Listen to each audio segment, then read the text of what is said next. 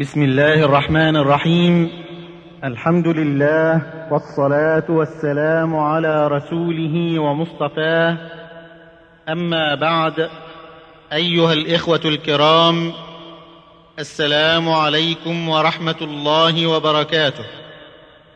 يسر تسجيلات الآثار الإسلامية بجدة أن تلتقي بكم في مجلس جديد من مجالس الإيمان والذي ضم جمعا من طلبة العلم مع فضيلة الشيخ الدكتور محمد ابن محمد المختار الشنقيطي وذلك مساء يوم الأربعاء السابع من شهر جماد الأولى لعام اثني عشر وأربعمائة وألف.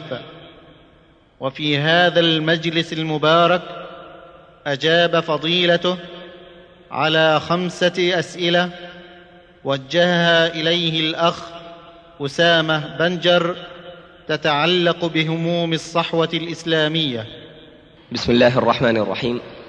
إن الحمد لله نحمده ونستعينه ونستغفره ونعوذ بالله من شرور أنفسنا وسيئات أعمالنا. من يهد الله فلا مضل له ومن يضلل فلا هادي له وأشهد أن لا إله إلا الله وحده لا شريك له وأشهد أن محمدا عبده ورسوله صلوات الله وسلامه عليه. وبعد فهذه مجموعة من الأسئلة تقدم لفضيلة الشيخ محمد الشنقيطي تختص ببعض المسائل التي تهم, تهم الدعوة والدعاة. نسأل الله سبحانه وتعالى أن ينفعنا بكلماته وتوجيهه وما يعطيه لشباب الدعوة وشباب الصحوة من نصائح. نسأل الله عز وجل أن يعم بها النفع. السؤال الأول الصحوة الإسلامية بحاجة ماسة إلى الترشيد وإلى النقد وإلى معالجة العيوب وإلى تصحيح المسار. وتشتكي الصحوة الإسلامية اليوم داء عضالا يعاني منه كثير ممن ينتسب إلى الدعوة إلى الله فضلا عن الصالحين وطلبة العلم. وهذا الداء هو عدم الإحساس بالمسؤولية تجاه الدعوة وعدم تحملها والقيام بأعبائها وواجباتها. فتجد لدى كثير من الدعاة طاقة طيبة وأعطاهم الله عز وجل من المواهب ما قد حرم منه الكثيرون. وبالرغم من ذلك تجد مساهمتهم في الدعوة إلى الله عز وجل لا تكاد تذكر مع أنهم يسمعون ويعرفون ويعلمون عن واجبهم تجاه هذه الدعوة ومع أن الواقع حولهم مهيأ لاستماع كلمتهم ولمشاركتهم الفعالة. وكما أننا ننظر إلى الصحوة الإسلامية اليوم بشكل عام فنجد أن حجم هذه الصحوة وهذه الجموع الغفيرة من شباب الإسلام لا يتناسب ابدا مع الواقع السيء للأمة والمنكرات المتفشية فيها فإننا كذلك بنظرتنا إلى الدعاة الأفراد نجد أنهم كذلك ينقصهم القيام بواجبهم وأن ما يؤدونه على الساحة لا يتناسب ابدا مع ما أعطاهم الله عز وجل من العلم وكثير من القضايا التي يحتاج إليها الدعاة. فما هي توجيهاتكم لشباب الصحوة وللدعاة في هذه القضية؟ بسم الله الرحمن الرحيم. الحمد لله رب العالمين. والصلاة والسلام على إمام المتقين وقدوة عباد الله المؤمنين وعلى آله الطيبين الطاهرين وصحابته والتابعين ومن تبعهم بإحسان إلى يوم الدين أما بعد. فالحمد لله الذي جمعنا بكم في هذا المجلس المبارك وأسأل الله العظيم أن يجزي الإخوان الذين تسببوا في هذا اللقاء كل خير وأن يجعله في ميزان حسنات الجميع. في الحقيقة هذا السؤال سؤال مهم جدا يحتاجه شباب الصحوة بصفة خاصة ويحتاجه كل ملتزم بدين الله عز وجل على سبيل العموم. فالاهتمام بأمور الدين وبالدعوة إلى رب العالمين أمر واجب على كل فرد منا. ينبغي أن يهتم بأداء رسالة الله عز وجل. وأداء الأمانة التي هي منوطة بكل إنسان على قدر علمه. ولا يمكن لهذه الأمة أن تصلح ولا أن تسعد ولا أن تبلغ درجة الكمال والفضل إلا بتوفيق من الله عز وجل ثم بقيام بحق الله عز وجل. وإذا أردت أن ترى التوفيق على كماله وصلاح أمور هذه الأمة فانظر إلى تلك الساعة التي يقوم فيها كل فرد وكل إنسان بواجبه. الدين هذا أمانة في عنق كل واحد منا. ورسالة الله عز وجل التي أوحى بها إلى نبيه صلوات الله وسلامه عليه فأنزل بها كتابا مبينا وأرسل بها رسولا أمينا. هذه الأمانة العظيمة تنتظر منا أمرين. الأمر الأول العمل والتطبيق والأمر الثاني الدعوة إلى هذا الطريق. العمل والتطبيق أمر يختص بك فكون الإنسان يلتزم ويسير على طاعة الله ومنهج الله هذه رحمة من الله تبارك وتعالى. لكن تأتي الثمرة الثانية وهي ثمرة الدعوة إلى طاعة الله. والهداية إلى سبيل الله عز وجل. وإذا أراد الإنسان أن يعرف قدره عند الله عز وجل ومكانته عند الله عز وجل فلينظر إلى قدر الدين في قلبه.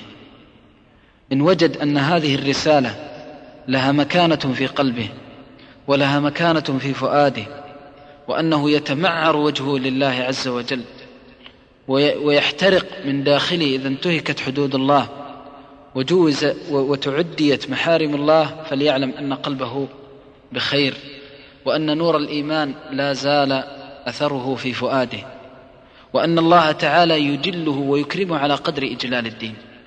والله ما من إنسان يعظم هذا الدين ويحرص على تبليغه للأمة والدلالة عليه والهداية بكتابه وسنة نبيه صلى الله عليه وسلم إلا وجدته موفقا أينما كان. ومسددا أينما كان وملهما الخير أينما كان. فالواجب على كل واحد منا أن يعلم هذه القضية الأساسية أن قيمتك ومكانتك عند الله على قدر الدين. ولذلك جرب يوما من الأيام تجلس فيه مع أهلك تذكرهم بالله مع زوجتك تذكرها بالله مع أبنائك تعلمهم شرع الله عز وجل انظر إلى هيبة أهلك لك. والله يضع الله لك الهيبة على قدر ما وضعت للدين من هيبة. بل ويزيدك. فمن عامل الله فهو الرابح. وليس بيننا وبين الله إلا هذا الدين. تحقيقا ودعوة إليه ودلالة عليه. فإذا كان كل واحد منا استشعر أن مكانته عند الله على قدر إجلاله لهذا الدين فحينئذ الفوز الفوز. كل واحد منا يرشح نفسه أن يكون أسعد العباد برحمة الله بتبليغ رسالة الله. وليس المطلوب أن الشخص يجلس مثلا في المساجد وينصح ويذكر ويفعل ما يفعله العلماء إذا كان ما عنده حصيلة علمية كاملة تؤهل لذلك. هذا ليس بالمطلوب لأن الله لا يكلف نفسا إلا وسعها. وهذا ليس بوسعه أن يتحمل هذه الأمانة التي فوق طاقته إنما المطلوب الشيء الذي بين يديك. أبناؤك بناتك إخوانك أهلك. هذا أول شيء. وأنذر عشيرتك الأقربين. المرحلة الثانية أن تنتشر قليلا. تبدأ بإخوانك زملائك في العمل من معك في العمل. كذلك أيضا تحرص على جيرانك. أي خطأ تراه اعلم علما مؤكدا أن الله يبتليك بهذا الخطأ الذي رأيته. يبتليك إيش؟ يبتلي إيمانك. يبتليك لكي يعلم وهو علام الغيوب كيف منزلة هذا الدين عندك. الساعة التي ترى فيها المنكر أو ترى فيها أمرا يحتاج إلى نصيحة إلى كلمة طيبة اعلم أن الله يختبرك فيها. هي ليست محض الصدفة كما يقولون. ولم تأتي هكذا عبثا لا أبدا. ابتلاء واختبار والله تعالى يقول ليبلوكم أيكم أحسن عملا. فالعمل ما يحسن إلا بالصدق مع الله.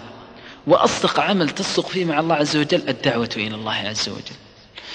والدعوة إلى الله تبارك وتعالى تكون لكل إنسان بحسبه. ممكن أن تدعو وأنت يعني في وظيفتك. ممكن أن تدعو وأنت في بيتك. ممكن أن تدعو وأنت في مجلس مع إخوانك وزملائك. وليس المراد أن تجلس 24 ساعة في الدعوة لا المراد أن تعطي هذا الدين ما تستطيع. فالله يقبل منك القليل ويجزيك عليه بالجزيل. وقليل مع الإخلاص والصدق مبارك. والله يوفق صاحب ذلك الإخلاص على قدر الإخلاص. فهنا نركز على قضية القضية الأولى إجلال هذا الدين. والله لا تجل هذا الدين إلا وضع الله إجلالا لك في قلوب العامة والخاصة على قدر إجلالك للدين وأوضح مثال على ذلك انظر إلى هيبة العلماء عند الناس ومحبة الناس العلماء ليه؟ لماذا؟ هل لأحسابهم؟ لا والله لأنسابهم؟ لا والله لألوانهم؟ لا والله لمالهم؟ لا والله لجاههم؟ لا لشيء واحد ما هو؟ الدين والشر قلوبهم صغت لله وأذعنت لله وغارت لله لأنهم أعرف الناس بالله. فلما عظموا الله جعل الله لهم القبول في العباد. فهذه حقيقة يعني مدركة بالدليل النقلي والدليل الحسي المشاهد. لا تجل ولا تكرم إلا بقدر إجلالك للدين. إذا إذا ثبتت هذه القضية الأولى والركيزة الأولى وهي أن مكانتك عند الله على قدر إجلالك للدين فما عليك إلا أن تؤهل نفسك للدرجات.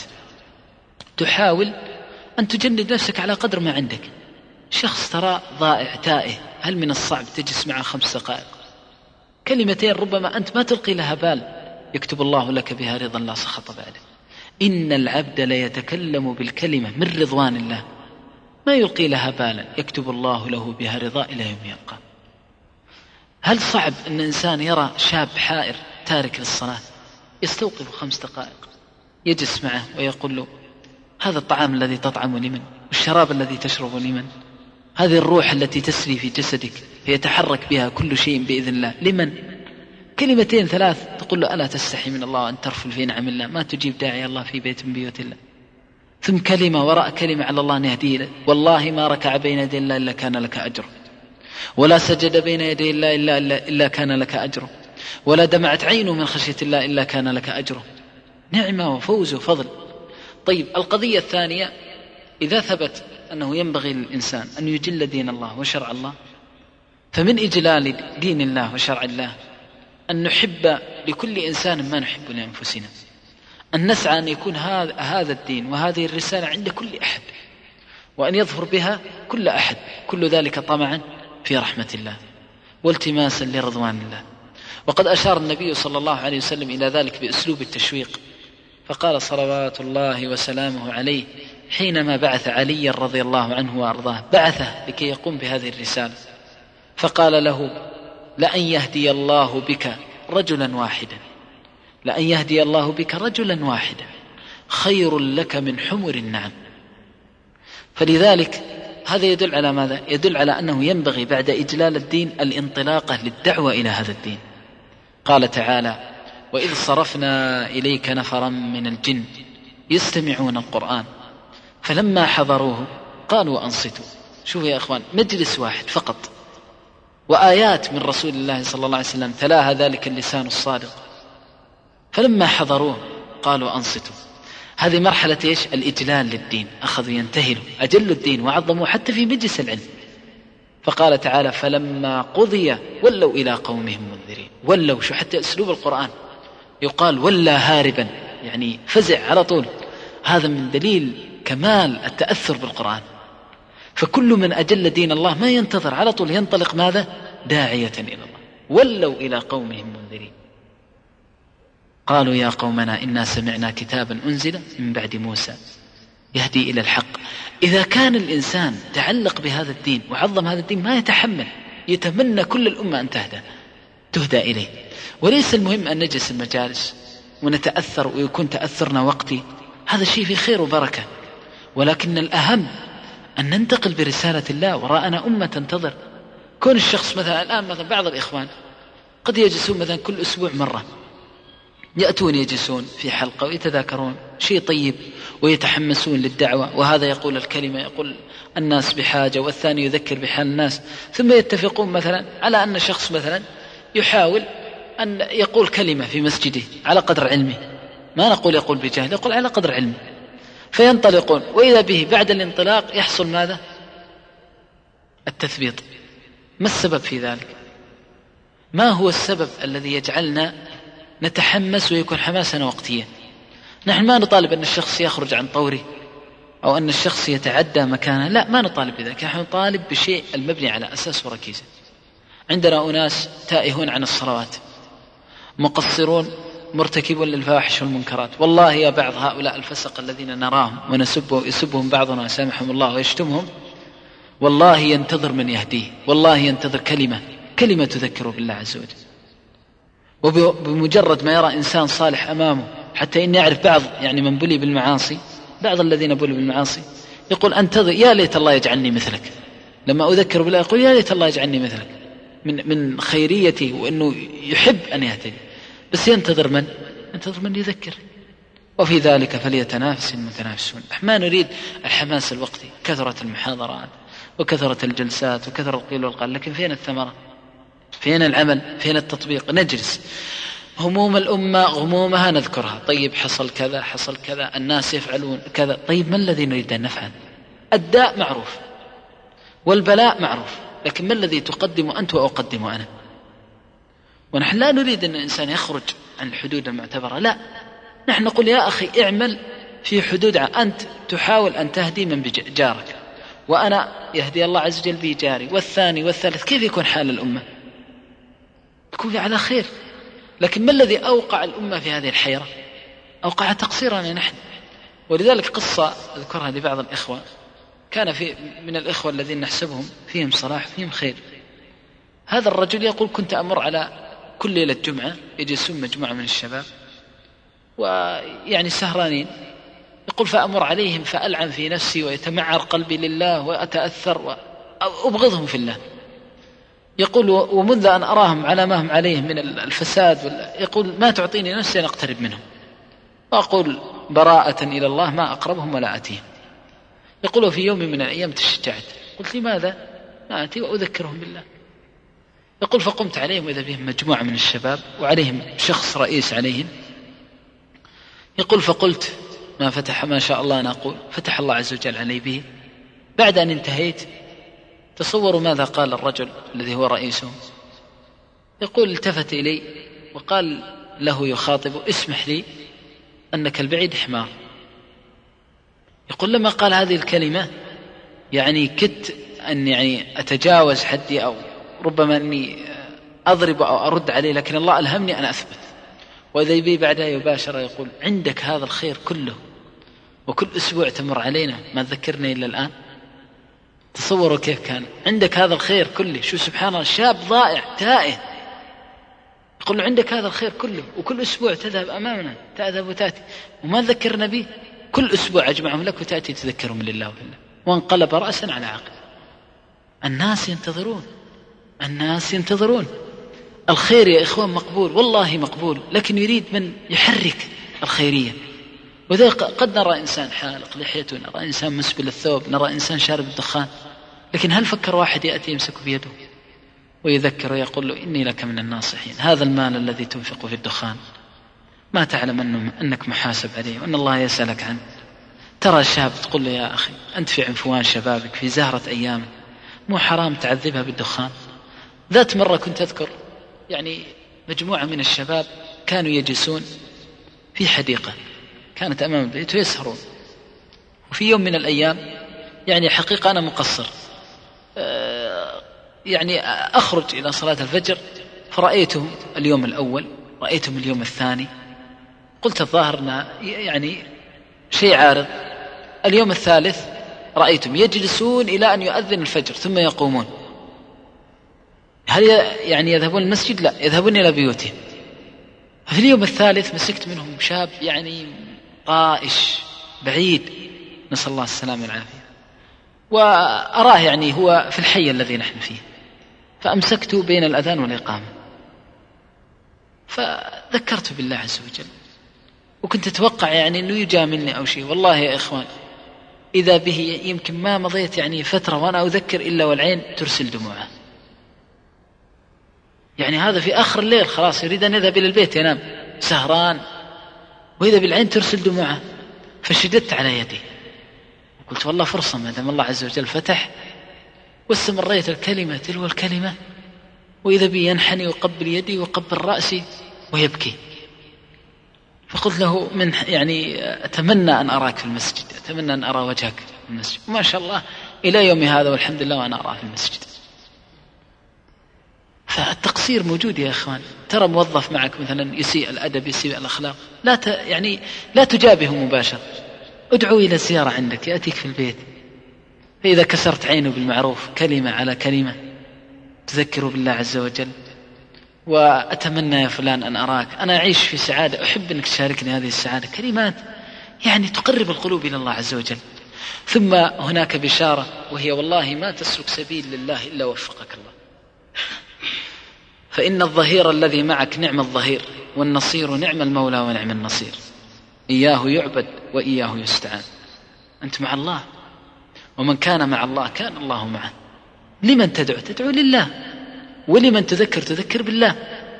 فأنا أقول أن هذا يعني أسهبت في هذا السؤال لأنه سؤال مهم جدا. نحن نحتاج إلى عمل. كثرت المحاضرات وكثر لكن التأثير وقتي. والصلاح محدود. نريد هذا الخير أن ينتشر للغير. نريد الأمة التائهة الغارقة في الشهوات والملهيات أن تتذكر بكلمة طيبة منك. أو تبصر بعبارة منك على الله عز وجل يفتح بها قلبا. طالما كان مغلقا. أو ينور بها بصرا طالما كان أعمى أو يشق بها سمعا طالما كان أصما. ولا تزهد والله يا إخوان كلمات أحيانا ما ما تبالي بها يعني تتكلم بها عادي لكن يجعل الله فيها من الخير ما الله به عليه فلا تحقرن من المعروف شيئا. ولذلك يعني أوصي إخواني ونفسي بالاجتهاد قدر ما نستطيع. وإخواني هي ساعة ما ندري والله يمكن الواحد يعيش أسبوع. هذا إذا مد الله في العمر شهر سنة ما ندري كم نعيش.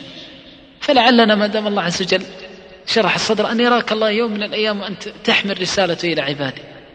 يراك الله يوم من الأيام وأنت جالس مجلس تشهد الله وملائكته على أنك تريد أن تهدي إلى سبيل. علك تتشرف بالوصف الذي وصف الله به الأخيار فقال ومن أحسن قولا؟ من بمعنى لا. أي ولا أحسن قولا. ممن؟ دعا إلى الله. فخليك يوم من الأيام وأرجو من الله أن نكون ونكون جميعا ممن من أهل هذه الآية في كل يوم. والله شرف والله ليس بعار أن تحمل رسالة الله وليس بعار أن تبلغ رسالة الله وليس بعار أن تدل على الله. ولكن العار أن نأكل من طعامه وأن نشرب من شرابه وأن نغتدي بنعمه والواحد يستحي أن يبلغ رسالته. سبحان الله. تجد ال ال الإنسان يكون في أي عمل من الأعمال يضحي ويفخر بهذا العمل ويقول أنا أعمل كذا وكذا. ويحاول أن يبرز إدارته بأحسن صورة. فكيف بحق الله عز وجل الذي هو أعظم الحقوق؟ فلذلك أوصيكم ونفسي بهذا الأمر ونسأل الله العظيم رب العرش الكريم أن ينور بصائرنا وبصائركم ويهدينا وإياكم من السبيل سواء السبيل نقطة أخيرة ثانية في السؤال. قضية كثرة الأمة يعني المقارنة بين الدعاة وبين كثرة الأمة. الحقيقة نعم. نحن ما نقولنا كاملون أو أن الدعاة كاملين. أن الدعاة على كمال ما في أحد كامل. لكن أيا ما كان الخير موجود. ولا نأتي يعني أنا أقول نجمع بين الحسنين السلبية والإيجابية. الخير موجود الحمد لله. والدين هذا كلمة الله التي ستمضي. يشاء من يشاء ويأبى من يأبى. كتب الله كتب الله. لأغلبن أنا ورسلي. وصف نفسه وقال إن الله قوي. ما أحد يستطيع أن يغالب الله. وما هي وحدها؟ عزيز. يعني إذا غالبه أحد يقولون في مثل العرب من عز بز. يعني من عز بز بمعنى غلب. فلما قال لنا عزيز معناه ما أحد يستطيع أن يقف أمامه. ولكن طوبى لمن جنده الله لهذه لهذا المكان العالي فجعله من أوليائه. فأقول الدعاة إلى الله يبذلون. جزاهم الله خير وعسى الله أن يبارك في أعمالهم ولكن ما أدري نحن نريد أن نضع العبء على الناس نتهرب. فنقول يبذلون لكن قل أن يجدوا من يسمع ومن يتأثر. و أو نقول أن المسؤولية على الاثنين. في تقصير من جانب الدعاة. مني ما أتهم الدعاة من أمثالي. وفي تقصير أيضا من طلاب العلم. وفي تقصير أيضا من العامة. يعني الآن مثلا المحاضرات من يحضرها؟ قد يحضر بعض الناس على سمعة الإنسان وهذا ما ينبغي. يعني أنا أقول ممكن موضعين الصبر مثلا يلقيه شخص ويلقي شخص آخر. تجد هنا الحضور يكاد وتجد هناك الحضور قليل. لماذا نحضر على السمعة؟ نحضر لله وفي الله ما لزيد ولا لعمر. على الأقل أن يراني الله عز وجل في أي حلقة المهم أن هذا الوقت استغل في طاعة الله. فأقول فيه يعني جهد للدعاة جهد يذكر فيشكر وحسنة لا تنكر. ولكن يعني فعلا نحن نقول هذا الكلام مو من باب انتقاص الدعاة ولكن من باب الزيادة. يحتاج الأمر إلى أكثر ويحتاج أيضا إلى العناية بالأمور المهمة التي هي أساسها ومنبعها الإيمان. لأنك إذا غرست الإيمان في قلوب الناس وأصلحت عقائدهم ووجهتهم إلى الله عز وجل جاءت الثمرات. المؤمن هو الذي يستطيع أن يقف أمام كل قضية يستطيع أن يقف أمام كل نازلة لأن الإيمان هذا نور الإيمان نور وحلاوة في الصدور. إذا دخل القلب خلاص ما يستطيع أن يكون هناك أي عائق يحول بين العبد وربه. ولذلك في بعض الفترات يعلو منسوب الإيمان حتى إن العبد لو بيده أن يفعل كل خير في كتاب الله لفعله. وفي تارات يعني يضعف منسوب الإيمان يلا يلا يحافظ على الفرائض. نسأل الله أن يعيذنا وإياكم من هذه الساعة أن يجعلنا وإياكم من أهل الساعة الأولى. المقصود قضية التقصير إذا قارنا بين الدعاة والكثرة ينبغي أن ينظر إليها من عدة جوانب. الجانب الأول جانب التقصير في الاستجابة لما يقوله العلماء وهذا موجود. وكيف حصل التقصير من العوام؟ يا أخي الزمان زمان فتنة. العام يأتي يحضر المحاضرة. لكن بمجرد أن يدخل إلى بيته يفتن في أهله ويفتن في أولاده ويفتن في جيرانه ويفتن في أصدقائه. زخم من الفتن ما هو سهل. يعني زمان غربة. فمن البديهي أنك تجد يعني صحوة لكن ما تجد يعني آه، استجابة كما ينبغي أن تكون الاستجابة. لأن الزمان زمان شر. قال صلى الله عليه وسلم ما من زمان إلا والذي بعده شر منه حتى تقوم الساعة. فلذلك ال- الذي يظهر الله أعلم يعني وجود هذه الأمور لعله راجع إلى فساد الزمان. ولذلك زمان السلف الصالح المرأة إذا صلحت والرجل إذا صلح شيء بديهي لكن إيش الغريب؟ إذا فسد من كثرة الخير. والآن على العكس الآن الشخص الشاب بمجرد ما يهتدي تقوم عليه الحرب الشعناء الشنعاء من أبيه وأمه وصاحبته وبنيه وفصيلته التي تؤويه. ما أحد يتركه. فلان التزم فلان مطوع فلان كذا ما يتركوه. فبديهي جدا أن تجد هداية لكن ما تجد ترشيد لأن الشاب حائر. ثم الأمر الثاني الحقيقة يعني ينبغي أن ينظر إلى قضية يعني يعني عدم التكاتف والتراحم والترابط الذي ينبغي أن يكون بين المسلمين. هذه قضية مهمة جدا. يعني الشاب أحيانا يحس بغربة وهو بين إخوانه من طلاب العلم. ولا لو حصل التآلف والتكاتف لا تجد الإنسان قال يعني سبحان الله العظيم من أصدق ما يكون الالتزام بالدين أنه يحس بنشوة في الإيمان. الآن جرب إذا جلست مع إخوانك في الله لما تأتي تقوم كيف يكون حالك؟ سبحان الله تقوم عندك نوع من النشوة والارتياح للخير والحرص على الخير. قال حنظلة رضي الله عنه إنا نكون مع رسول الله صلى الله عليه وسلم يذكرنا الجنة حتى كأننا ننظر إليها النظر عيان. فأنا أقول يعني لعل هذا السبب الأخير وهو قضية يعني عدم التراحم والتواد والتعاطف الموجود بين يعني طلاب العلم وبين الشباب شباب الصحوة. وأنا أوصيكم ونفسي شوف أبدا أي دعوة تقوم بها. وأي شباب يهديهم الله على يديك احرص أول ما تحرص على تأليف قلوبهم. ولذلك النبي صلى الله عليه وسلم أول ما جاء المدينة ماذا فعل؟ آخى بين المهاجرين والأنصار. والله تعالى قبل نعمة الدين يقول ماذا؟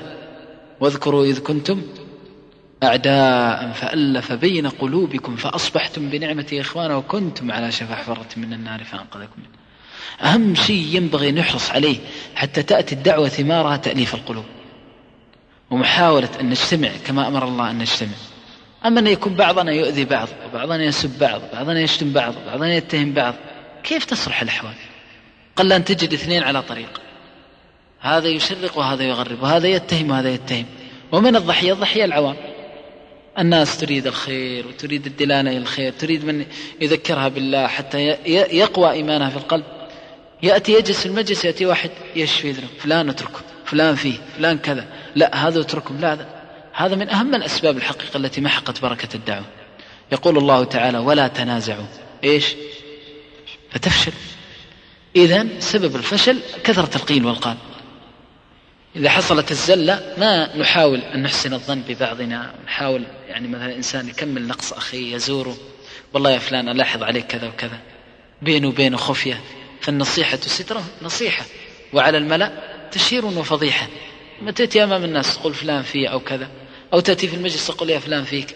التمزق الموجود هذا أنا أراه من أهم العوامل والأسباب التي أضاعت بركة هذه الصحوة. ومزقت شملها ولذلك أول ما نفكر فيه بعد الدعوة أي إنسان يهدي الله على يديك تحرص على أنه قلبه يكون من أنقى ما يكون على عباد الله المؤمنين. ما يدخل في قلبه شيء. وينظر إلى إخوان المؤمنين إخوان نظرة صادقة نظرة سليمة تصحح مبادئه ونظرته إلى إخوان المسلمين. أما فلان فيه فلان كذا وفلان كذا هذا ما ينفع. هذا يضر أكثر مما ينفع. بل إني والله في بعض الأحيان أشفق على بعض طلاب العلم حينما يأتون ويجندون أنفسهم لتتبع أثرات زيد وعمر نسأل الله السلامة والعافية. ومع ذلك يعتقد أنه من الصالحين وأنه إمام من أئمة الأئمة المهتدين. أفمن زين له سوء عمله فرآه حسن نعوذ بالله من طمس البصائر. فلذلك يعني تمزيق القلوب وكثرة القيل والقال وإساءة الظن هذه لا ينبغي أن تكون بين المؤمنين. أنا أرى من أهم العوامل التي أضاعت يعني فضل هذه الصحوة ومزقتها. وينبغي للداعية مع الداعية أن يحس أنه منه وله. وكان السلف رحمهم الله يجلس بعضهم في مجالس العلم للبعض ويحضر مجالس العلم للبعض ويأنس بقول البعض ويزور بعضهم بعضا ويحسون طلاب العلم أن بينهم تواد وتراحم وتآلف ولذلك أنا أقول كلمة أخيرة في هذه القضية. ما دام هذا الداء فأرى أن أهم شيء ينبغي المسؤولية تقع على الدعاة إلى الله والعلماء أن يفكروا وأن ينظروا إلى عاقبة يعني كثرة القيل والقال هذا الذي نعيشه. وإذا كان أصبح كل واحد منا داعي يأتي يعني يحاول أن يكون منه ما يكون سبب في تمزيق إخوانه وشتاتهم أنا أرى أن هذا من إساءة الصنع نعم أنقد الرأي وانقد القول كما قلنا لكن الذات هذه لا تجرحها إلا فيما بين الشرع وفي الحدود الشرعية نعم. لكن الاسترسال في ذلك وتهيئة طلاب العلم من أجل أن يتتبعوا عورات العلماء غدا يتتبعون عورتك. يذكرون عن أحد الذين نسأل الله السلامة والعافية ما أحسنوا تربية طلابهم؟ هو ليس من أهل العلم إنما يعني نسأل الله السلامة والعافية تجرأ حتى أصبح يدرس. وكما قال الشاعر تصدر للتدريس كل مهوس بريد قد تسمى بالفقيه المدرس. فحق لأهل العلم أن يتمثلوا ببيت قديم شاع في كل مجلس لقد هزلت حتى بدا من هزالها كلاها وحتى سامها كل مفلس. فجمع له طلاب وفتح له الكتاب وعلم ما شاء الله أن يعلم يجرح في فلان ويثلب فلان ينتقص فلان ويسيء الظن بالسلف. وفي يوم من الأيام تناقش مع مع أحد طلابه في حديث كان الطالب يحتج بالحديث فما كان من الطالب نسأل الله السلامة والعافية إلا أن قام وصفع شيخه وضربه. فجاء الطلاب ثائرين قالوا ما لك تصنع كذا؟ قال أبدا. هذا رد الحديث ومن رد الحديث فهو كافر. فنفس الثمرة التي غرسها وجد البذرة التي غرسها وجد ثمرتها جزاء وفاقا. فإذا ربينا شباب الصحوة على النقد وعلى القيل والقال غدا يلتفتون إلينا. لكن نربيهم على أصول صحيحة في النقد وأصول سليمة. وهناك فرق بين النقد أمام العامة والنقد في الخاصة. ونقد الرأي ونقد الذات هذه أمور ينبغي أن نفرق فيها وأن نعطي كل ذي حق حقه وأن نذكر الحسنات والسيئات ونبين ونوازن. الله عز وجل قال في اليهود والنصارى قال في اليهود منهم أمة مقتصدة وكثير منهم ساء ما يعملون. ما قال كلهم منهم أمة. انظر حتى يعلمنا الأدب في الحكم. وقال في أهل الكتاب ليسوا سواء من أهل الكتاب أمة قائمة يتلون آيات الله آناء الليل. الحسنات والسيئات يعني الصالح والطالح. يبين صالحهم وطالحهم يميز. أما الشخص أن يأتي هكذا يكتسح كل ما أمامه هذا ليس من الإنصاف. ونسأل الله العظيم رب العرش الكريم أن يصلح الحال وأن يحسن العاقبة المآل. والله تعالى أعلم. صلى الله عليه وسلم. أثابك الله يا شيخ ونفع بعلمك. السؤال الثاني فضيلة الشيخ من القضايا الأساسية في الدعوة إلى الله سبحانه وتعالى العلم الصحيح وسلامة المنهج. ولكن هناك قضية يغفل عنها كثير من الدعاة وقد لا يهتدي إليها إلا القليل ولا يملك مفتاحها ولا يعرف أسرارها إلا الأقل ألا وهي قضية كسب قلوب الناس ومحبتهم فما السبيل إلى ذلك؟ لا شك يعني ما تضمنه السؤال من الحرص على قضية العلم هي قضية أساسية العلم نور. ومن كان ومن جعل الله له هذا النور فقد أبصر السبيل وكان الله له دليلا ونعم الدليل. ولذلك العلم مفتاح كل خير ومنبع كل فضل. وللإمام القيم كلام فيما معناه يقول إن الإنسان يبصر بنورين نور من داخله ونور من خارجه. أما النور الداخلي فالبصر. وأما النور الخارجي الشمس والشعلة هذه المضاءة. لو انطفأ أحد النورين لم يغني الآخر عنه. ولذلك مثلا لو عمي الإنسان ما ينفع الشمس ما تنفعه الشمس. لكن لو وجدت مثلا نور العين وجد والشمس ما هي موجودة والمكان مظلم تنفع العين؟ ما تنفع. إذا لابد من نورين نور داخلي ونور خارجي. ولذلك يقولون في قوله تعالى نور على نور نور العقل الذي هو الذي جعل الله عز وجل به معرفة الخير من الشر ونور الإيمان والعلم. فقال نور على نور يهدي الله لنوره من يشاء جعل الله وإياكم من, هداه. فلا بد من أمرين العالم لا شك أنه يعني على نور من الله. ولذلك يقول بعض العلماء فمن يريد الله أن يهديه يشرح صدره للإسلام أو من أو من كان ميتا فأحييناه وجعلنا له نورا يمشي به في الناس. كمن مثله في الظلمات؟ قال بعض العلماء في هذه الآية هذا مثل للعالم والجاهل. أو من كان ميتا فأحييناه. أحييناه بإيش؟ بالعلم. وجعلنا له نورا يمشي به في الناس. سبحان الله العظيم إذا كان الإنسان في مكان مظلم وجاءك شخص معاه نور يمشي كل الناس ستتبع. هذا الذي معه نور. ما يمكن أحد يتركه. إلا إنسان ما عنده عقل. كذلك العالم قضية كسب القلوب. أما كسب القلوب فهي سر الصنعة كما يقولون. هذه أمور بيد علام الغيوب. القلوب مفاتيحها بيد الله عز وجل. آه، كسبها يحتاج إلى أمور. أولها الإخلاص. فالمخلص هو الذي فتح الله له القلوب. ولذلك رب كلمة صادقة من إنسان مخلص تدخل إلى سويداء القلوب. ويحيى الله عز وجل بها قلوبا طالما ماتت. ورب كلام كثير غير يسير ما يجد الإنسان له أثر ولا يجد له يعني تفاعل مع نفسه. وكما قال بعض السلف لما سئل عن خطبته وخطبة غيره وتذكيره وتذكير غيره قال ليس الصائح ليس النائحة كالثكلى ليست النائحة كالثكلى. النائحة جاية مستأجرة. لكن الثكلى التي فقد فالنائحة تصيح بدون قلب تصيح من أجل الدراهم. لكن الثكلى تصيح من أجل إيش؟ من أجل ولدها من قلبها. فكأنه يقول إن الكلمة لما تخرج من القلب تقع في القلب. وهذا من عدل الله عز وجل. الله عدل. ووصف نفسه بالعدل المطلق الذي هو غاية العدل. لا يمكن أن يسوي بين إنسان يداهي يعني آه، يرائي ويسمع وإنسان يريد وجهه. أبدا.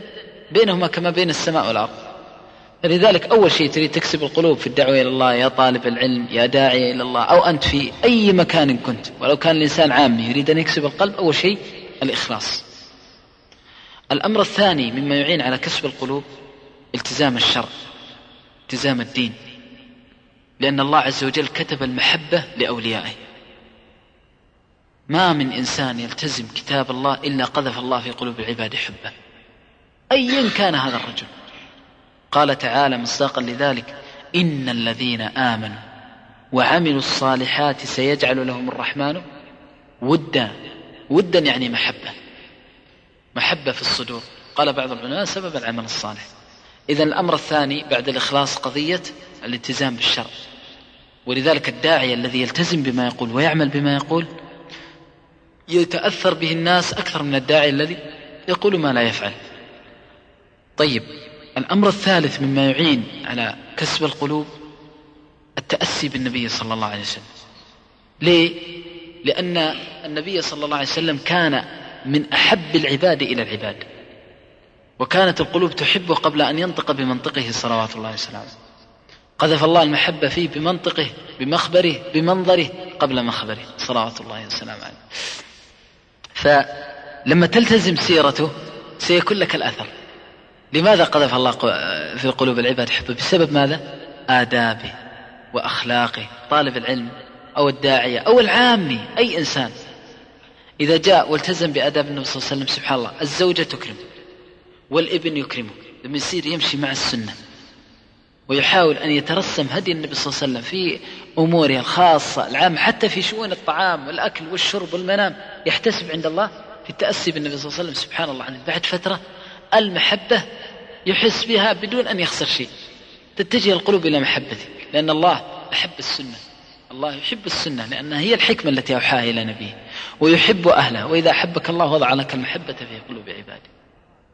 طيب الأمر الرابع يعني ال ال الذي يعين على محبة الناس وكسب قلوبهم آه، المحافظة على مشاعرهم في حدود الشرع. ما يكون الإنسان إنسان فظ غليظ. وهذا أشار إليه النبي صلى الله عليه وسلم. الله تعالى حينما قال لنبيه صلى الله عليه وسلم ولو كنت فظا فبما رحمة من الله. إيش؟ لنت لهم. ولو كنت فظا غليظا لانفضوا من حولك. غليظ القلب لانفضوا من حولك. ولو كنت فظا غليظ القلب لانفضوا من حولك. إذا لابد أن يكون الإنسان حليم رحيم. المرأة لما جاءت إلى النبي صلى الله عليه وسلم وشرب من مزادتها وتفجر الماء بين ما جاء قال لها أنت مشركة أنت ضالة أنت كذا وإنما أحسن إليها وأرسلها. فلما ذهبت إلى قومها قالت يعني جئتكم من أسحر الخلق إما أنه نبي أو ساحر. عيينة بن حصن الفزاري جاء إلى النبي صلى الله عليه وسلم ما قال له أنت مشرك ضال بعيد عن الله عز وجل يعني جابهه مباشرة وإنما أعطاه واديا من النعم. فلما سرى به إلى أهله قال يا قوم أسلموا فوالله فالذي يحلف به عيينة لقد جئتكم من رجل لا يخشى الفقر. ملك القلوب بالإحسان. فالآداب والأخلاق الإنسان لما يكون مثلا بين عوام أو يريد أن يهدي مثلا ناس ضالين ما يحس أنه ركب على أكتافه أو أنه ما شاء الله بيده مفاتيح الجنة والنار يدخل من شاء ويخرج من شاء. لا أبدا. الأمر يحتاج إلى تقريب القلوب إلى الله عز وجل ويحتاج إلى حكمة في ذلك التقريب. فإذا وفق الله عز وجل الإنسان لذلك كسب القلوب. بعد فترة وإذا بها سبحان الله تحبه شاء أم أبى. الناس تخسر ملايين من أجل أن يحبون وأن يكرموا والتجار وأهل السمعة والفنانون وغيرهم يخسرون ملايين من أجل أن يحبوا ولكن طالب العلم ما يخسر شيء. بالعكس فقط يصلح ما بينه وبين الله وتأتيه الأمور إلى حد. ترى الشخص من من عباد الله الأخيار الملتزمين بالكتاب والسنة منذ أن ترى تحبه.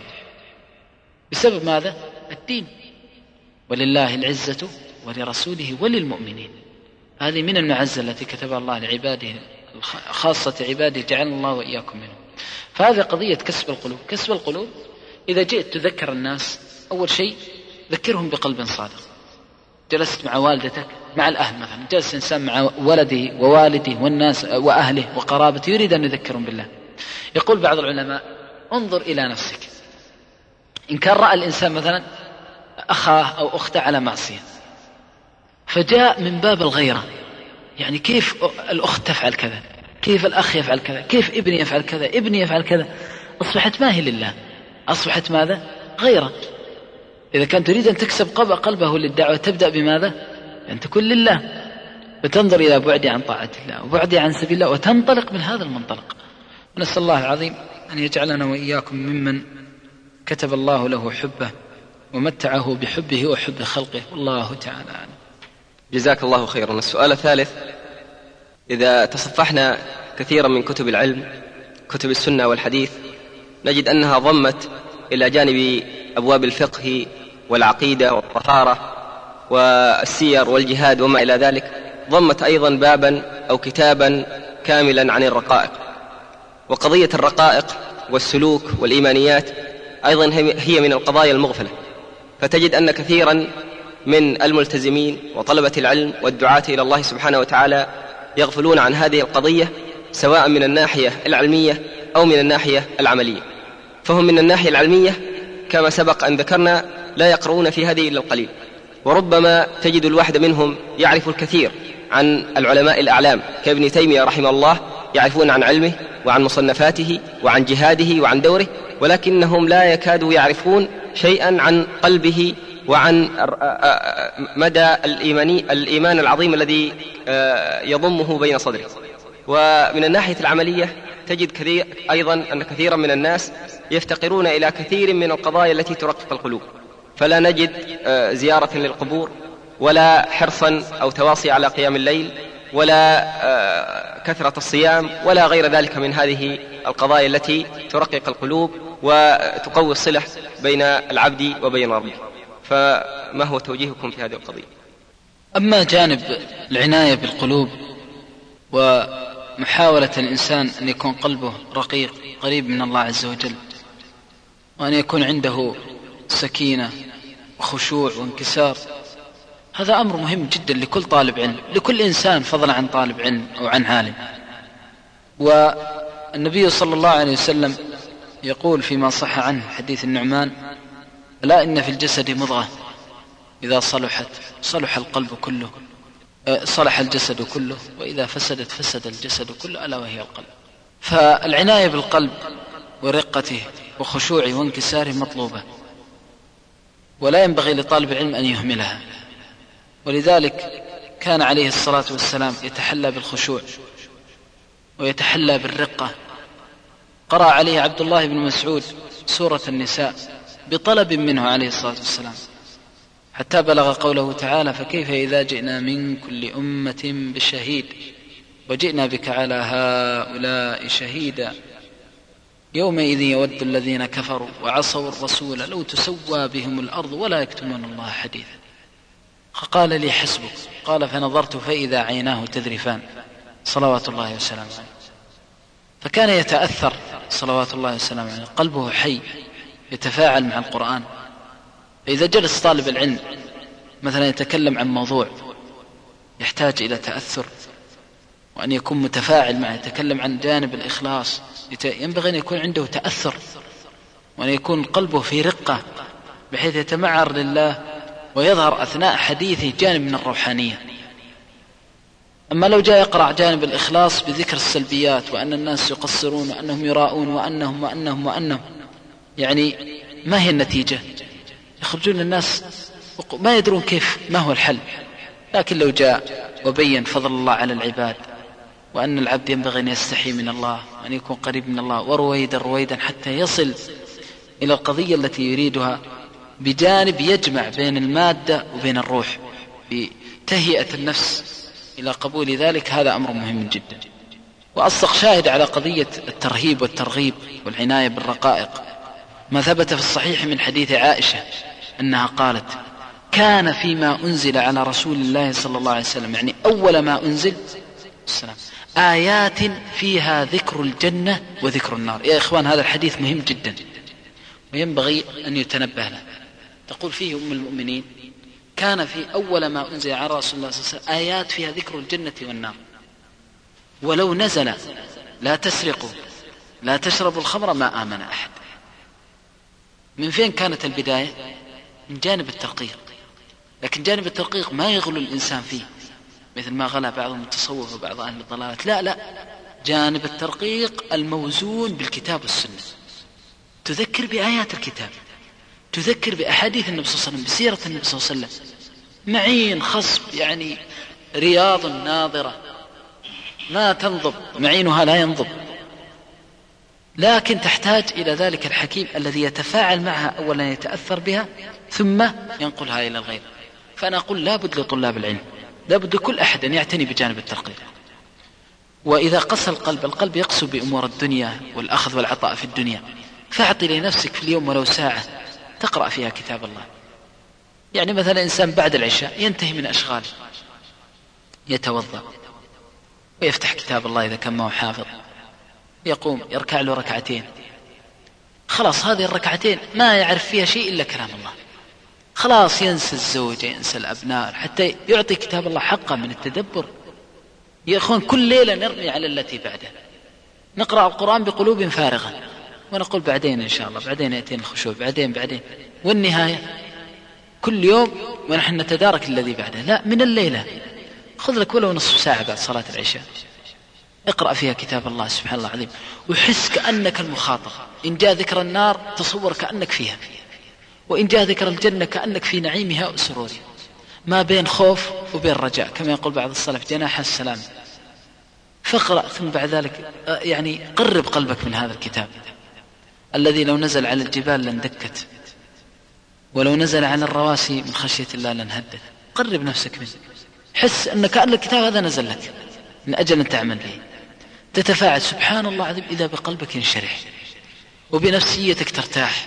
ألا بذكر الله تطمئن القلوب. وإذا بك سبحان الله العظيم هذه الركعتين أو هذه الآية التي ذكرت تلوتها وتدبرتها والله تجد حلاوتها إلى يومك كامل وأن تجد أثرها في قلبك. وكيف كان علماء السلف أهل كان عالم السلف لابد كل ثلاثة أيام يختم. الإمام الشافعي جاءته امرأة سألت عن حجية السنة قال أنظريني ثلاثة أيام.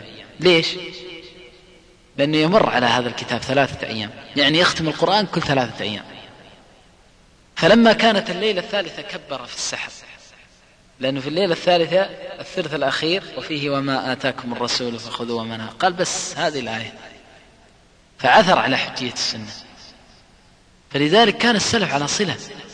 العالم يختم القرآن كل ثلاث ليالي معناه هموم الأمة كلها إذا مر عليه أي هم خلال ثلاث ليالي إيش؟ يصل بالكتاب. ولذلك ما تجد أحد يتكلم إلا يقول لك قال الله قال رسوله صلى الله عليه وسلم.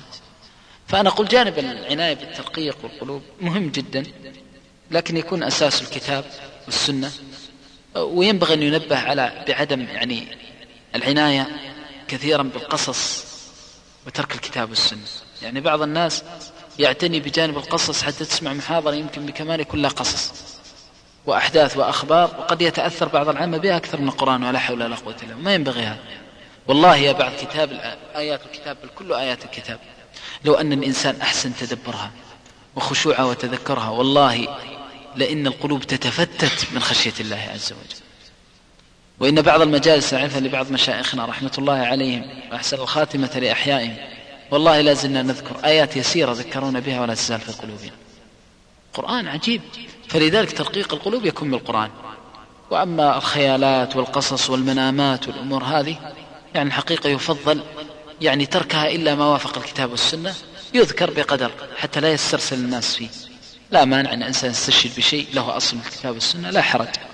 المقصود من هذا كله أن جانب الترقيق مهم جدا. ولذلك جرب سبحان الله العظيم. الآن اجلس في حلقة فيها مثلا جانب علمي مادة علمية بحتة. تقوم من الحلقة في فائدة. لكن ماذا؟ القلب تجد يعني كان صلى الله عليه وسلم جانب الأعمال قد يصلها بجانب القلوب. فيذكر مثلا الوضوء. قال عليه الصلاة والسلام من توضأ؟ توضأ للناس وضوءا كاملا. كما في حديث حمران عن عثمان في الصحيحين. لما انتهى من الوضوء ماذا قال؟ قال عليه الصلاة والسلام من توضأ نحو وضوئي هذا ثم صلى ركعتين لا يحدث فيهما نفسه إلا غفر له ما تقدم من ذنبه. تشويق أسلوب يعني جمع بين المادة وبين الأثر. كذلك إذا جيت تعلم اجمع بين المادة العلمية وبين الآثار. أما تأتي مادة علمية مادة قال فلان قال علام صعب هذا. الإنسان ضعيف. فأقول جانب الإيمانيات مهم جدا. جاء مهم للداعية مهم لطالب العلم مهم للعامة. العام الآن إذا ذكرت بالله أحيانا يبكي وتجري يعني يتأثر ويهلل ويكبر من الأثر. يمكن هذا المجلس يكون سبب في صلاح سنة كاملة منه. بل سنوات. بسبب ماذا؟ جانب الإيمانيات. مهم جدا. وأهم قضية قضية الإيمان. إذا صلح الإنسان معتقده وإيمانه بالله استقام. وسار على منهج ربه وأصاب دار السلام.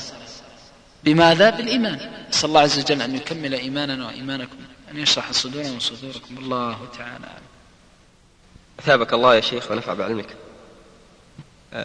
محاسبة النفس لها أهميتها والصالحون والدعاة هم أمس الناس حاجة إليه. وقد أقسم تبارك وتعالى في كتابه بالنفس اللوامة. ونسمع عن العلماء في وصف محاسبة النفس قولهم أنه يجب على الإنسان أن يحاسب نفسه أشد من محاسبة الشريك الشحيح لشريكه ولكنها لكثير من الناس تظل قضايا نظرية أكثر منها عملية. في هذا الزمن المادي المليء بالفتن.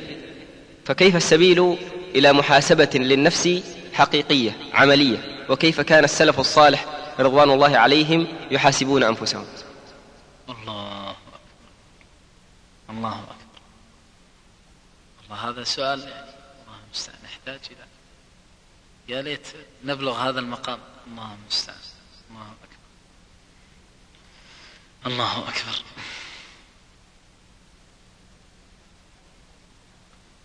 المحاسبة مفاعلة من الحساب. ومعنى ذلك أن الإنسان يعيش مع نفسه في كل لحظة من لحظاته. إن خيرا حمد الله واهب الخير. وإن شرا استغفر الله عز وجل غافر الشر والضر. فيعيش الإنسان مع نفسه في كل حركة وفي كل سكون. وهذه غاية في مراقبة الله عز وجل. ولذلك ما وفق الله عز وجل العبد لمحاسبة النفس إلا وفقه لطريق السلام وإذا أردت أن ترى العبد الناجي من عقوبة الله عز وجل بإذن الله فانظر إلى ذلك الرجل الذي لا تفتر لحظة إلا وهو يحاسب نفسه تسره حسنته فيحمد الله وتسوءه سيئته فيدمع من خشية الله. والله ما وفق الإنسان لشيء بعد الإيمان مثل محاسبة النفس وتأديبها بعد الحساب. يعني مرحلتان مرحلة المحاسبة ومرحلة التأديب. مو يحاسب ويسكت. بعض الناس يقول أنا مقصر وكذا وكذا والله ادعي لي ادعي لي. لا ما ينفع. محا مقصر وبعيد عن الله لكن العمل النجاة. محاسبة النفس هي سبيل النجاة. وكما ورد في الآية أن الله تعالى أقسم بالنفس اللوامة. لا أقسم بالنفس لا أقسم بيوم القيامة ولا أقسم بالنفس اللوامة. فهذا إثبات للقسم. ولذلك قيل إن لا زائدة أي وأقسم بالنفس اللوامة. قال بعض العلماء أقسم الله بها لكي يدل على عظيم مكانها وجليل منزلتها. فهو الذي يهب هذه النفس. والنفس اللوامة يهيئها الله عز وجل أولا بالإيمان. فما تأتي ملامة إلا بالإيمان. إذا قوي اعتقاد الإنسان بالله وقوي إيمانه بالله وعرف الله بأسمائه وصفاته هاب الله. فلما هاب إذا بنفسه تنادي ما الذي فعلت؟ من الذي عصيت؟ فتأتي ثمرة الإيمان وهي محاسبة النفس. ومحاسبة النفس تكون في الجليل والحقير والصغير والكبير. تكون للإنسان وهو خال فريد. فيجلس فيقول يوم كامل 24 ساعة فيما قضيته؟ وما الذي كان علي من نعم الله فيها؟ فيعقد موازنة بين أمرين بين نعم الله عليه إحسان الله إليه وإساءته في جنب الله. وفي طرفة عين تأتي الآثار دمعة من خشيته أو عبرة في جنب الله. هذا بسبب ماذا؟ بسبب المحاسبة الصادقة. ولذلك ورد في أثر عمر أنه قال خاطبا الناس أيها الناس زنوا أعمالكم قبل أن توزنوا. وحاسبوا أنفسكم قبل أن تحاسبوا وتهيئوا للعرض الأكبر يومئذ تعرضون لا تخفى منكم خافية. ومحاسبة النفس يعني نعمة من الله عز وجل. يحاسب الإنسان نفسه خليا فريدا في حقوق الله وحقوق العباد. ويحاسب نفسه وهو بين أهله. ويحاسب نفسه وهو بين أصدقائه. ويحاسب نفسه في كل حركاته وفي كل سكونه وهذه أكمل ما تكون عليه المحاسبة يحاسب نفسه في جوارحه في اللسان. كان بعض السلف يعد الكلمات التي يتكلم فيها من الجمعة إلى الجمعة. كما روى ذلك أبو نعيم في الحلية.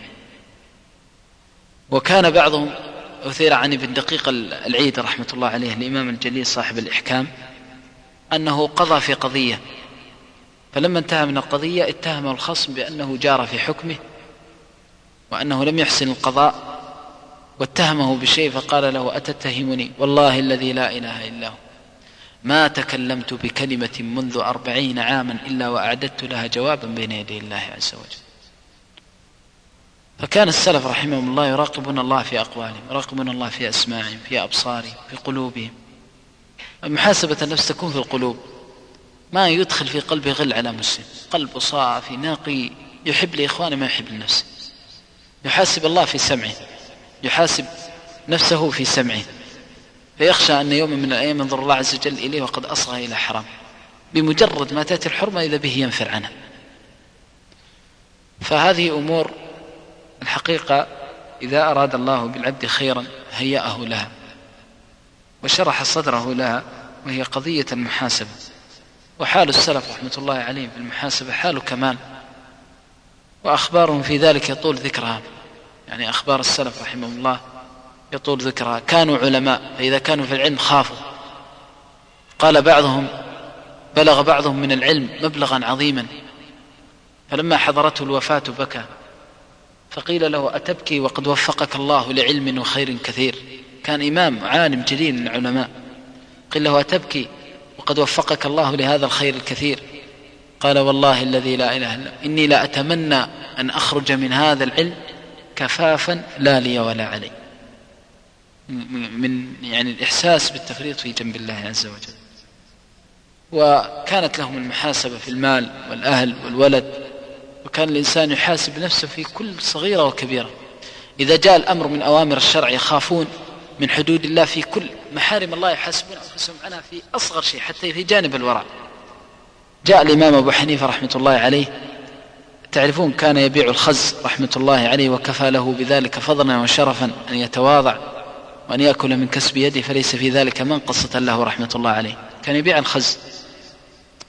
فجاءه رجل واستدان منه شيئا فأراد أن يأخذ المال من عندي فذهب إلى صاحب الذي عليه الدين فجاء فلما جاءه جاء في وقت الظهر وكانت الشمس شديدة فكان معه أصحابه فقرعوا الباب فجاء أصحابه تحت المظلة مظلة بيت المدين هذا الذي عليه الدين فقالوا هلم يا إمام إلى الظل؟ فقال أخشى أن تكون منفعة لي عليه يعني ظل الباب الروزنة حقة الباب ما استطاع أن يستظل بها حتى لا تكون منفعة زائدة فتكون من جنس الربا. محاسبة دقيقة ومراقبة دقيقة. يعني الآن الإنسان ممكن يجلس في مكتبه يأخذ الأوراق الخاصة والأوراق العامة ويكتب عليها رسائل ويكتب عليها محاضرات وندوات وقد يكون من الشباب الطيبين ولا يحاسب نفسه. وهو يمكن ينال من السيئات والأوزار ما الله به عليم. وقد يأخذ أمور مؤتمن عليها بينه وبين الله تتعلق بها مصالح يفعل بها ما يشاء. هذا من ضعف المحاسبة. محاسبة تراقب الله عز وجل في كل صغير وكبير. وتعرف هذا حلال تفعله هذا حرام تتركه. نسأل الله عز وجل أن يحيي قلوبنا وقلوبكم بذلك. والله تعالى.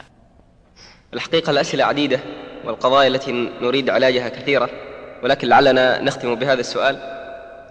آه، الدعوة إلى الله عز وجل ليست محصورة في شكل معين ولا نمط من الأنماط ولا في جهد أو نشاط لا يتغير ولكن يظل الداعية الناجح بحاجة إلى أن يتقن فن الكلام وفن مخاطبة الناس. وإلقاء الكلمات والمواعظ فهذا مما لا يتصدى له كل أحد. ولا نقصد بهذا أن أن يتصدر طلبة العلم المجالس وأن يتصدروا الإفتاء وغير هذا مما لا ينبغي لهم أدبا مع العلم وعرفانا بقدر أنفسهم.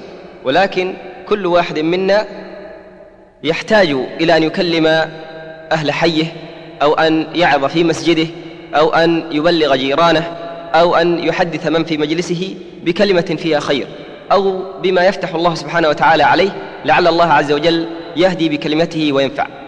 وكذلك يشتكي الحقيقة بعض الإخوة الذين قد يقرؤون في بعض الدروس وبعض الكتب وقد يرون أنهم آه، يستوعبون الموضوع استيعابا كاملا ويفهمونه ولكنهم إذا ما أرادوا تقديمه وإفادة الناس به وجدوا في ذلك صعوبة كثيرة.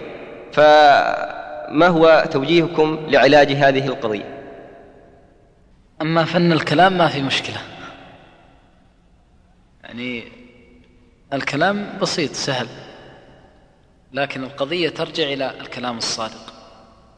الشاب الذي يعلم أن الدعوة إلى الله أمانة ومسؤولية سيقوم والله لو كان أمام الأمة كلها. لكن البلاء جاءنا من ضعف الإيمان.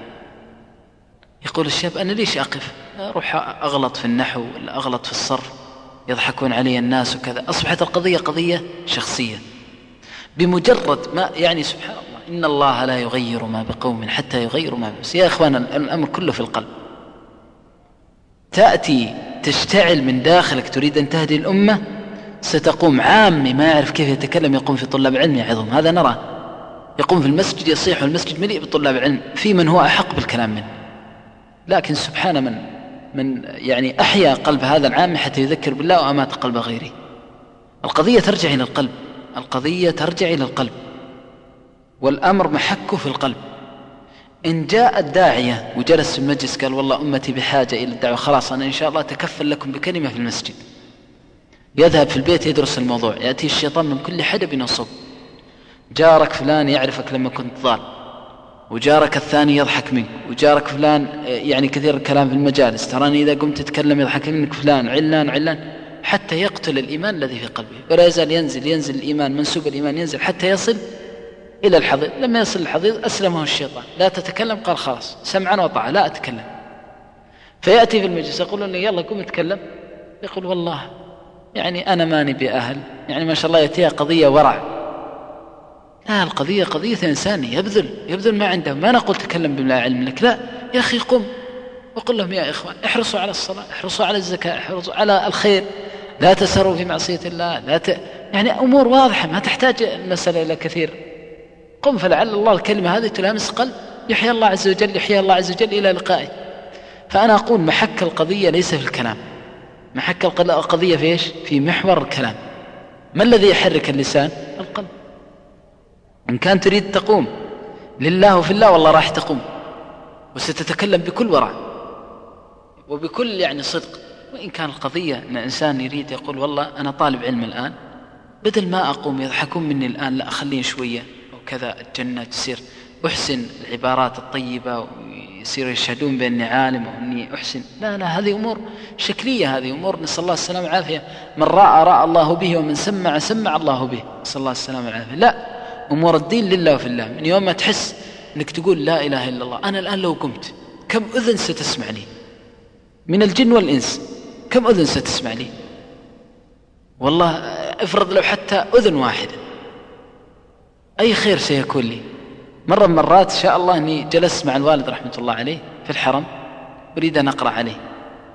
وشاء الله بعد صلاة الفجر وحصل ما أدري ماذا حصل المهم خرج كثير من الناس. تصوروا بقيت أنا والوالد في الحرم النبوي.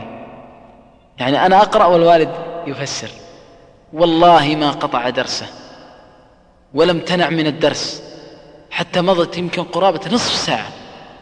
ما شاء الله جانا من الخلق ما لا يحصى كثر لكن أبدا قال أقرأ. حتى أني كنت يعني أيام كنت يعني في بداية أقرأ عليه ترددت. قلت ما في أحد. قال ما لك شغل. يعني إيش لك شغل في أحد ولا في اقرأ أنت تريد تقرب إلى الله عز وجل اقرأ. يعني إذا كان القضية تعامل الله عز وجل ما لك مال الناس؟ لو واحد يأتي ويحضر فالإنسان الذي يعامل الله ما عليه. لو أذن واحدة تصغي له ما عليه. النبي صلى الله عليه وسلم لما جاءت العير انصرفوا إلى التجارة انفضوا إليها وتركوه قائما صلى الله عليه وسلم ما قطع خطبته. ولا قال فين الناس؟ لأن الخطبة ما هي للناس لرب الناس. فأنا أقول إذا كان الشخص يريد أن يقف في مسجد حي أو مع إخواني أو في مجلس يذكر بالله عز وجل الهدف إن كان لله والله راح يتكلم. وثقوا والله أشهد لله. ما تقوم لله في مجلس وتنصح لله إلا وفقك الله لمجلس بعده إذا أخلصت. وما توفق في محاضرة في جلسة إلا وفقك الله لخير منها إذا صدقت.